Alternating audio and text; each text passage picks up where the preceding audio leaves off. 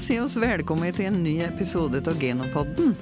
Og oss som sitter her i dag, er jo Mari Bjørke og Rasmus Langered. Og I dag så er det avlen som skal stå i fokus. Og med oss i studio her så har vi en Håvard Taie, som er avlsjef i Geno. Og Håvard, du har jo jobbet med husdyrgenetikk eh, en stor del av din yrkeskarriere. Både i Norsund først og nå i Geno. Hva var det som gjorde at du ble så fascinert av husdyravl? Det er vel den praktiske sida når en er vokst opp på et bruk. Det var riktignok sau og ikke ku. Så er det mye fysisk arbeid og mye slit. Og da er det veldig stor motivasjon vettet av det at kunne vi få bedre avlsdyr, så sitter du igjen med litt mer for den innsatsen du legger ned i dette her. Og det var den som trigga interessen for avlsarbeid. Og det som jeg syns er fascinerende med avl i forhold til en del andre ting, det er at du bygger stein på stein men du slipper å gjøre det i reprise, for når du har tatt og løfta nivå, så har du gjort det en gang for alle, og du kan bygge videre på det. Så det er eh, i sin natur veldig motiverende arbeidsområde. Det blir stor steinerøst til slutt, da. ja, må prøve å ha litt struktur i det, så det blir, blir et, eh, et, bygningsverk som gir mening, da. Ja. Og oss har en gjest til i studio i dag. Det er Hanna Storlien, kjent for mange som kjendisen vår i Gøyno. og, men du har i tillegg til å være avlsforsker i Geno, så har du akkurat overtatt hjemgården din. Og nygifta er du òg. Ja. Travel dame. Gratulerer. Her går det unna. ja. Men hva er det viktigste du har gjort på egen gård etter at dere overtok da, Hanna? Nei, først og fremst så er det jo det å sette seg inn i alt. For en tror jo at en har fått med seg mye, men det er fortsatt mye å lære. Og så, før vi tok over, så hadde vi jo noen tanker om eh, hva vi kanskje ville endre litt på. Så vi har jo endra litt strategi og begynt å bruke litt mer eh, Reddex, f.eks. Av kjønnsseparert mm. sæd. Og Hvem da bruker du dem på, da? Det bruker jeg på de beste dyra i fjøset. Da ser jeg på kvigene mine, og så ser jeg på hvem som har høyest avlsverdi. Og i tillegg så har jeg òg noen kuer da, som aldri klarer å få kvigekalv som jeg òg har prøvd meg på, og de har tatt seg, så da blir det kvigekalv etter dem òg. Ja. Hvis du ser litt fram i tida, Hanna, eh, hvor stor andel eh, Redex og andel brukskrysninger, kjøttfesau tror du at du kommer til å bruke?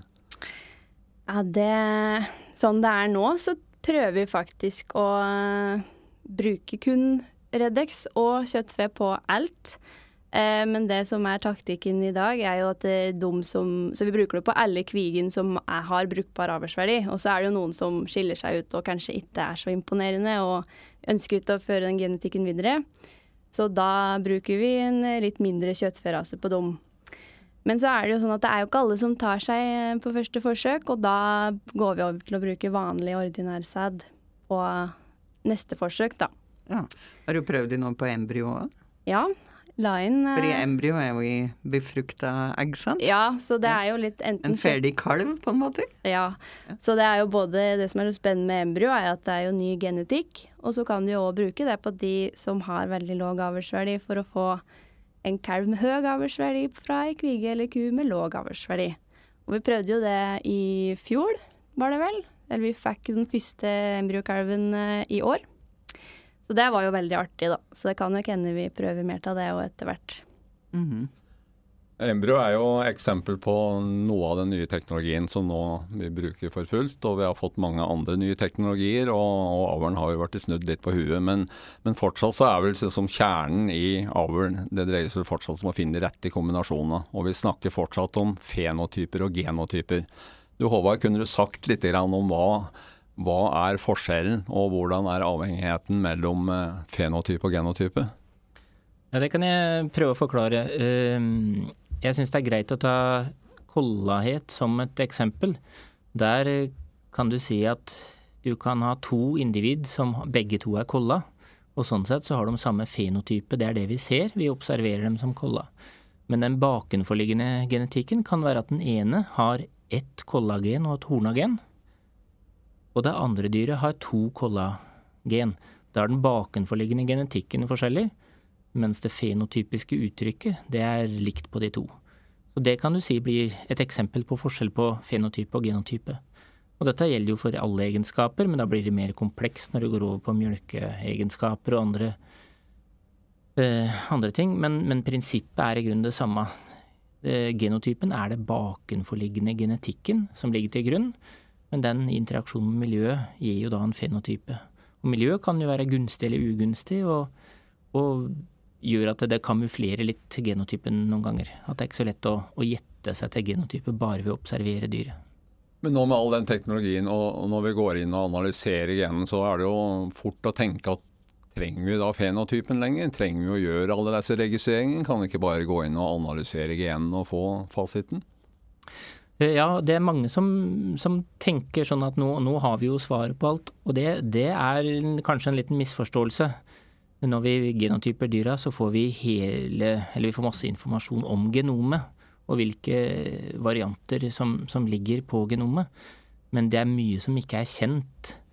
Det er anslått at det er ca. 22 000 uh, gen, funksjonelle gen på storfegenomet, men de er jo på ingen måte kartlagt. Vi kjenner ikke alle de enkeltgenene, vi kjenner ikke funksjonene, vi kjenner ikke hvordan de virker. Det er et langt lerret å bleike før vi er der, men det vi bruker genotypen til, det er å finne ut hvor like eller ulike dyr er, altså hvor nært beslekta de er med hverandre. Så kobler vi det sammen med fenotypene som er registrert gjennom kukontrollen, og så kan vi regne ut avlsverdi med mye høyere sikkerhet enn før. De de mest omtalte fenotypen er vel jur og utseende og funksjonalitet. Åssen funker det i din besetning da, Hanne? Uh, nei, altså jeg genotyper jo dyra i besetninga mi, jeg òg. For det er som Håvard sier, at det, det du ser er én ting, men det er jo mye annet som ligger bak. Og ei ku, hun, eller en kalv, når den blir født, så får den en avlsverdi som er et gjennomsnitt av mor og far. Og når den kua eller kviga seinere skal insemineres, så er det ikke sikkert at det gjennomsnittet egentlig stemmer så godt med det dyret. Det kan ha egenskaper som er både svakere og bedre enn den avlsverdien som står. Eh, så derfor så er det, hvis du ikke har genotyper, så er det veldig viktig å se på dyra i fjøset og vektlegge egenskaper i gen- og avlsplan, da, som mm. Eh, er et verktøy som vi bruker. Eh, for å sikre at det blir brukt en okse som veier opp for de svakheter som det dyret har. Så mm. det er veldig viktig å se på både genotypen og fenotypen. Ja. Ja. Er det noen forskjell på utenlandske og norske bønders eh, krav til disse dyra? Er du Ja, jeg tenker at uh, den forskjellen kanskje er mindre enn vi, vi tror. Uh, det vi får tilbakemelding om i, fra globalmarkedet, det er jo at de vil ha relativt høy ytelse, men de, de savner en del på, på fruktbarhet, og der kommer jo NRF kua inn med, med ekstra verdi. De vil ha funksjonelle, gode kuer som holder seg friske. De vil ha et funksjonelt jur som fungerer i dagligdrifta. Og sånn sett så skiller ikke de utenlandske kundene seg så veldig mye fra de norske mjølkeprodusentene. Jeg tror hovedforskjellen er kanskje knytta til betydninga av kjøttegenskapene. Det verdsetter vi relativt mye i Norge.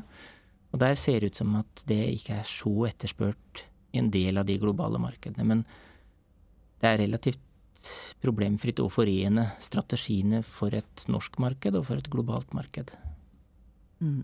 Dere nevner jo dette her med GS-analyser. og Hanna, du tar vel GS-analyser av rubbel og bit i eh, besetningen, og vi vet at alle som er medlem i kukontrollen kan bestille genotyping av eh, NRF-dyra. Og dette der har jo gjort at uh, hastigheten på avlsframgangen Du Håvard har vel uh, vist oss noen kurver der du sier at uh, det har aldri gått så fort som nå. Og hvor fort kan det Går det for fort, Hanne? Eller hvor fort kan det egentlig gå? Nei, altså det som er moro med det å genotype og følge med på ja, lage seg, gjøre seg valg i avlsplanen og bruke okser slik den sier, er å se at det er avlsframgang i fjøset. At de egenskapene som du vektlegger, faktisk blir bedre da, over år. Og da kan du egentlig få vite omtrent svaret allerede når kalven er født, ved å genotype og se åssen dette her egentlig ser ut. Så nei, det er bare moro, syns jeg. Men fortell litt eh, hva du gjør når du genotyper. Det er ikke alle som hører på oss som vet akkurat hva gårdbrukeren gjør når en genotyper ei ku. Nei, når jeg genotyper ei ku, da først, så når kalven er født, så eh, går jeg inn i kukontrollen, og så går jeg inn på det som heter styring og planlegging, og bestill, nei, bestill genotyping NRF. Og når kalven er gammel nok, for han må være minst ti dager, da, for at den skal bli aktiv, med tanke på at det kan være et avlsemne. Så trykker jeg på bestill, og så kommer det utstyr i posten. Og det er jo et lite øremerke som jeg setter i øret på kalven, som tar ut en bitte liten bit. Og så sender jeg det inn til biobank, og så går det egentlig av seg sjøl. Da blir det sendt derfra og til laben og tilbake til Geno, og så er det avlsverdiberegning. Og så får jeg resultatet til slutt, da. Og det som er så viktig å tenke på, er at det resultatet, det er jo, det er jo ikke fasiten. For det sier jo noe om hva slags potensial det dyret har. Men vi ser jo det at eh, vi styrer jo ikke, og vi vet jo ikke noe om biologien, så den kan fort komme og, og klundre det til litt for oss, da. Jeg har jo et konkret eksempel på det, og det er jo ei kvige jeg har hjemme, hun med høyest mjølkeindeks av alle. Hun Eh, når hun skulle begynne å mjølke, så var jeg jo fryktelig spent og gleda meg skikkelig. Men eh, der var det noe som, eh, på biologien som gjorde at eh, hun ga rett og slett ikke ned mjølka slik hun skulle. Hun har problemer med det, og har ikke prestert slik som jeg forventa. Og sånn er det jo, en må være klar over at en klarer ikke å styre alt, da. Det er litt forskjell på teori og praksis fortsatt. Det er det men, men Håvard, hvor, hvis kan du gi, konkretisere hvor stor eh, hvor, hvor, høy kan hastigheten bli på avlsframgangen hvis, hvis eh, vi på en måte utnytter all, all teknologi nå maksimalt? Eh, det er jo litt vanskelig spørsmål å være presis på, men vi har jo sett nå at gjennom genomisk seleksjon så har vi økt avlsframgangen betydelig. Og det er litt komplekst, for vi har faktisk i forhold til avkomstgransking med store dattergrupper, så har vi gått litt ned på sikkerheten på oksene. Men istedenfor å vente på at generasjonsintervallet skal bli sju år mellom far og sønn, så er vi nå nede i tre år. Og det betyr at da kjører vi så mye fortere med generasjonene, når vi kan genotype en ung eh, oksekalv og vite med relativt bra sikkerhet åssen den avlsverdien er, så vinner vi så mye tidsmessig at om sikkerheten er noe lavere, så kompenseres det av rett og slett hastigheten mellom generasjonene. Så vi har totalt sett økt avlsframgangen veldig mye, og er, en kan si vi har eh, godt over eh, dobla avlsframgangen nå i forhold til det vi hadde med det gamle regimet vårt. Mm. du for... høres så veldig saklig ut, men du har, er egentlig ganske stolt av dette? Der, ja, det, jeg syns det, det, er kjempemoro. Og, og um, dette her er jo dette er jo for å få uh, verdiene av avlsarbeidet ut til produsenten. Ta ut potensialet. Og uh, jeg, jeg syns dette er veldig bra. Og jeg tror vi har mer å gå på. Vi er i ferd med å akselerere en embryostrategi.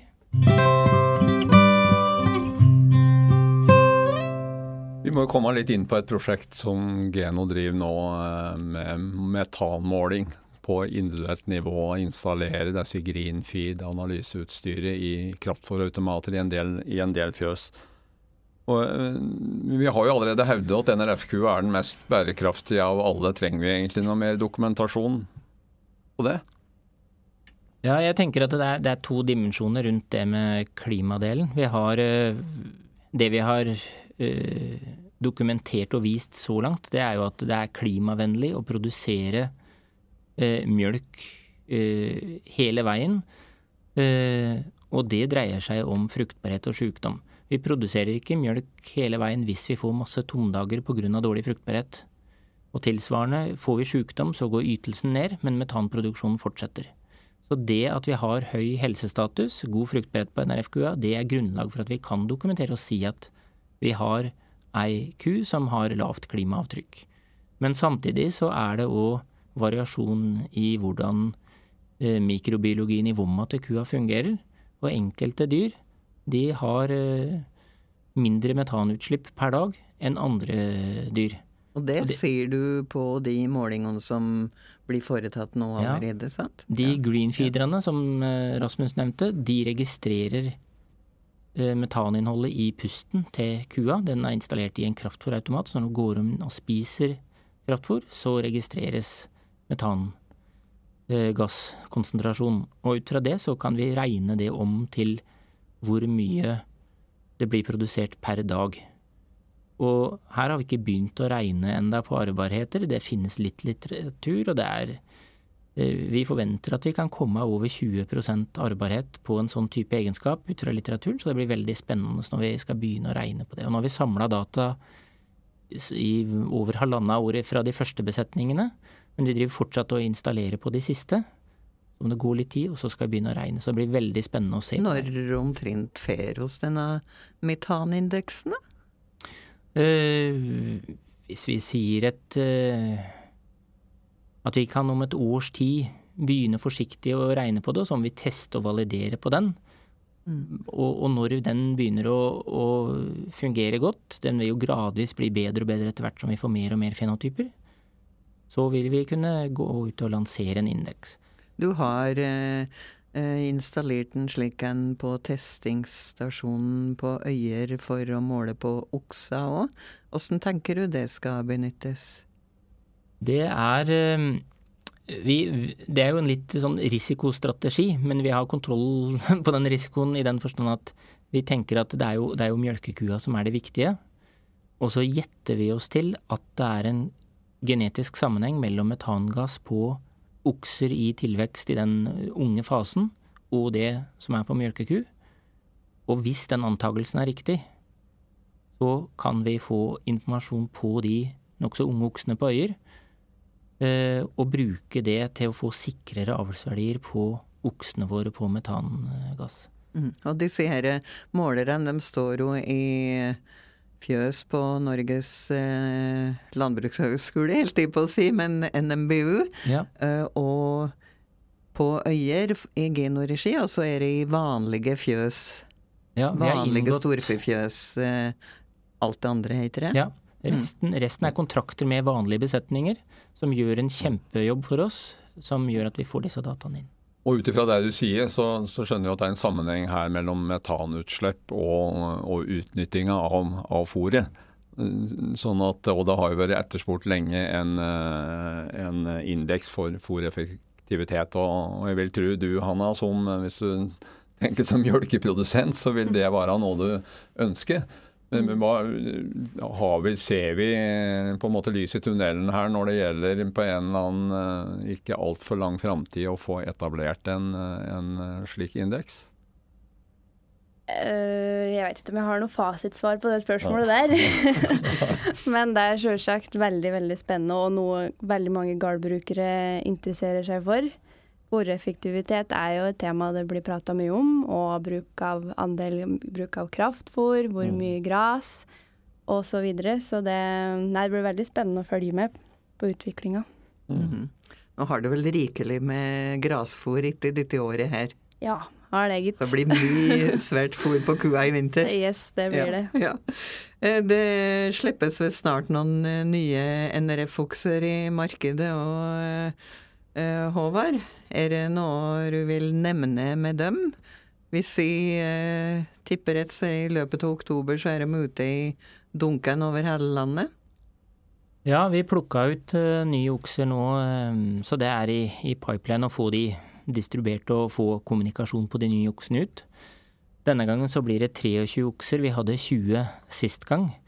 Um, og det som vi hele tida prøver å pushe, det er at vi skal få eh, nok okser i løpet av året. Målsetting er eh, 45-50 eliteokser. Så eh, veldig fornøyd med at vi nå har, har ei liste med 23 okser. Det kommer eh, inn en gjeng som Det var litt spesielt.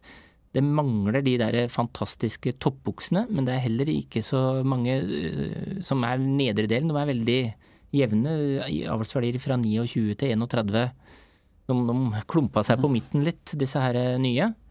Um, I snitt da så blir hele den pulja på mellom 31 og 32 indeks. Og um, det jeg er mest fornøyd med den gruppa her, det er kollafrekvensen.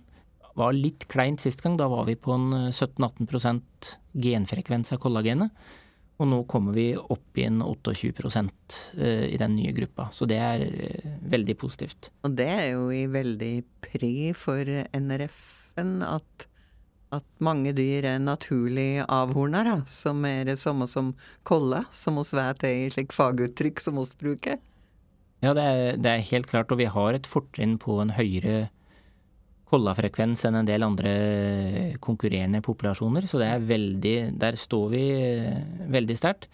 Men målet må jo være å øke det ytterligere og unn, kunne unngå den avhorninga. Det er eh, veldig verdifullt. Så vi må trykke på videre. Og vi driver og, og har litt høyttenkning i avdelingen på om bør vi gi enda litt mer eh, gass på vektinga av kolla helt inn i den samla avlsverdien. Men det er vi har ikke konkludert noe, men det er sånn vi hele tida følger med på utviklinga og reflekterer over det. Mm, men du sier at nå i høgsesongen da, for inseminering så blir det mange aktuelle okser å velge blant som er kolla.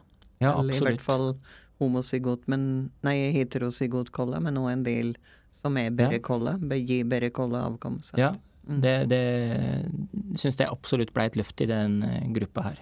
Så, Hvis vi sånn avslutningsvis skulle kikke litt inn i glasskula, Håvard. Nå er det en 50 år siden vi begynte med helsekort, og etter hvert avl på helse og fruktbarhet i, i NRF-avlen. Hva mener du Geno bør gjøre i dag for at eh, vi- vi skal bli bedømt for å være like visjonære om 50 år som de da var for 50 år siden? Jeg tror at eh, det er én egenskap som peker seg ut som veldig spesiell innenfor mjølkekuavlen. Og det gjelder over hele verden, og det er fòreffektivitet. Alle er kjent med at det er den største enkeltkomponenten i forhold til variable kostnader.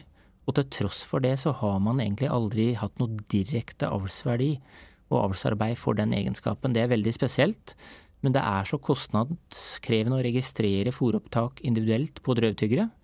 Og med det gamle regimet avkomstgransking så hadde du trengt enorme populasjoner med fryktelig dyrt utstyr, og det er vel årsaken til at vi aldri har kommet dit. Jeg tror nå med genomisk seleksjon så endrer det bildet seg, og jeg tror at nå er det et mulighetsrom framover som vi må vurdere sterkt om vi skal gå om bord i.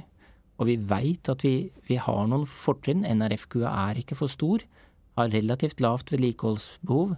Tilbakemeldingen fra globalmarkedet er at NRF-kua spiser noe mindre enn Holstein-kua. Så vi har en, et godt utgangspunkt, og jeg tror at vi har alle muligheter til å løfte dette videre hvis vi bestemmer oss for at NRF skal være en fòreffektivitetsku i framtida. Men det, det er mye faglig som må på plass, og det er økonomisk krevende. Da må vi si at eh, om i en senere pod så får vi heller ta litt dypere dykk i dette med biologien og teknologiens muligheter framover. Da sier vi tusen takk til Hanna og Håvard for at dere var med oss i studio i dag. Og neste pod, Rasmus, da skal vi ha tema fruktbarhet og brunst med mye praktiske råd. Ja, stemmer. Og husk, eh, alle sammen, det er en ny episode i Genopodden hver første onsdag i måneden. Og si fra til oss om du har forslag til ting vi skal ta opp. Se mer på geno.no, eller søk opp podden i den appen du sjøl liker. Og lykke til med høstens avlsarbeid.